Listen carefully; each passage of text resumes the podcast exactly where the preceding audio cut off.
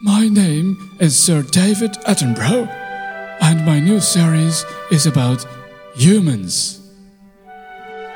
Humans invoke in us a sense of awe and wonder, and also sometimes fear.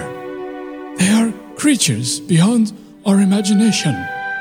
Humans are extremely intelligent, and with this intelligence comes creativity, humor, and playfulness.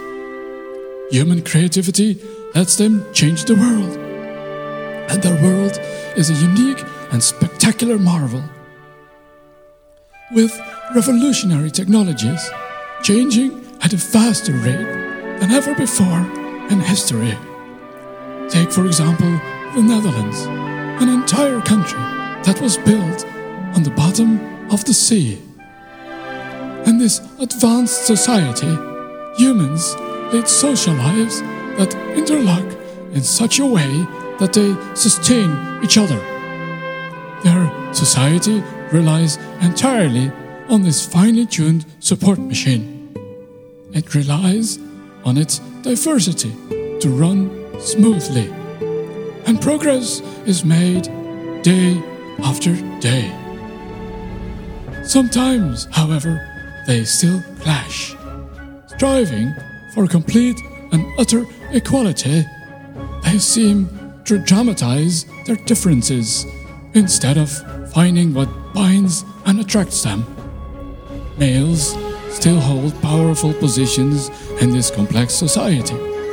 However, females benefit from special treatments too. Males hold better positions but also die younger.